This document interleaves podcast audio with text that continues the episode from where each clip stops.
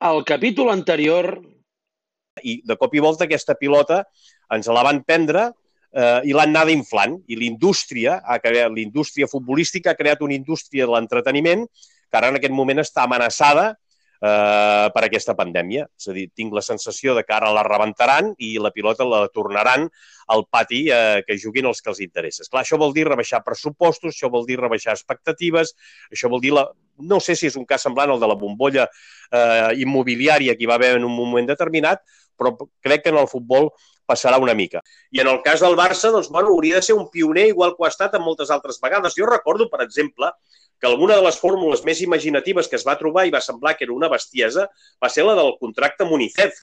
El Barça va ser capaç, en un moment en què aquesta indústria precisament creixia molt, a través d'un conveni amb UNICEF, de mantenir la seva singularitat, la seva manera de fer i al mateix temps incrementar el que era el seu merchandising, el seu ticketing, el seu valor, la seva manera d'entendre. Capítol 4. Sense espai per l'espai Barça i sense temps per veure el Barça. Ara mateix, eh, Ramon, es fa molt difícil imaginar que el Barça pugui tirar endavant l'espai Barça. Sí, ho veig inviable, amb les condicions que estava plantejat. Eh, és evident que l'estadi exigeix una remodelació, és un estadi que té eh, una condició única per la visibilitat, per al punt de trobada, però les seves estructures comencen a estar obsoletes eh, i això exigeix una revisió. Ara, també entenc que la grandiloquència i els termes econòmics que es va plantejar l'espai Barça ara són inassumibles. També perquè m'agradaria saber, aquí hi ha molts, moltes discussions al respecte, quin és el deute en aquest moment del Barça. El Barça des del 2010 fins al 2015 entenc que va fer una política econòmica a partir del seu controvertit eh, mecenatge o patrocini amb Qatar de contenció de la despesa. Vull recordar que aquella època Antoni Rossic eh, va arribar a fer famós aquell lema de que no es podien fer fotocòpies en color. Eh, es va fer una, una acció de responsabilitat contra l'anterior directiva i allò es va fer una contenció i una de, de la despesa i una inversió que va semblar que el club d'alguna manera agafava una embranzida. Però això a partir del 2015 s'ha acabat i avui dia el club entenc que està futbolísticament i econòmicament en mans dels futbolistes. I més que dels futbolistes, de set futbolistes o sis o, o, o vuit que cobren unes xifres que per mi començarien per rebaixar el sou. No per fer concessions, sinó per rebaixar el sou i per deixar de cobrar, fins i tot et diria en algun cas durant un temps. A mi se m'acut, Ramon, no sé com ho veus tu, amb aquest escenari que m'estaves plantejant tu, de la, des, de, de la reducció de la despesa, de tot plegat, que eh, em, em ve el futbol italià dels anys 90, si te'n recordes, que encara era molt potent, però no tenia ningú, no hi havia ningú als, als estadis, te'n recordes, sí. no? Estaven pagant autèntiques barbaritats a futbolistes, els equips encara eren punters, Milan i Juventus sobretot, també l'Inter, però eh, tot era eh, diners de televisió i s'estava creant una bombolla allà. I ara hem vist per on ha passat els últims 10 anys i encara hi és el futbol italià. Pot ser que la cosa pugui anar per aquí eh, si no es troba aquest, aquest lideratge que dius tu? Home, és una opció. Però aquí per mi hi ha un fenomen molt important. Eh, hi ha un futbolista com el, te'n recordaràs, el Pablito Aymar, el que va estar al València, entre d'altres eh, futbolistes, i que el Barça va intentar fitxar justament el 2003, que fa poc en una entrevista... L'ídol de Messi, l'ídol de Leo Exacte. Messi. Doncs en una de les seves entrevistes últimes que va fer a La Nación, deia que la nostra, i es referia a la gent que té uns 40 anys, és l'última que ja veu un partit de futbol sencer. Perquè les noves generacions estan acostumats eh, només a mirar els headlines, a mirar els resums, els gols, i per tant estem parlant d'una cultura audiovisual, ja no només d'una cultura que tingui presència física als estadis. Això vol dir que la indústria de l'entreteniment, que és la que ha provocat la gran bombolla eh, de la indústria futbolística, té un problema de consum. És possible que el consum de futbol baixi perquè la nova generació no els interessi consumir, es dediquin més a les partides a la Play o es dediquen més a altres històries. Aquesta és una opció, el món de l'entreteniment, jo no el domino ni sé com anirà. Ara, el món presencial d'anar al camp, eh, la gent tornarà a tenir gust per anar a l'estadi? Allò que dèiem, quan tu tenies un carnet del Barça no el cedies a ningú si no podies anar al camp, o el cedies amb algú de molta confiança, era com un tresor.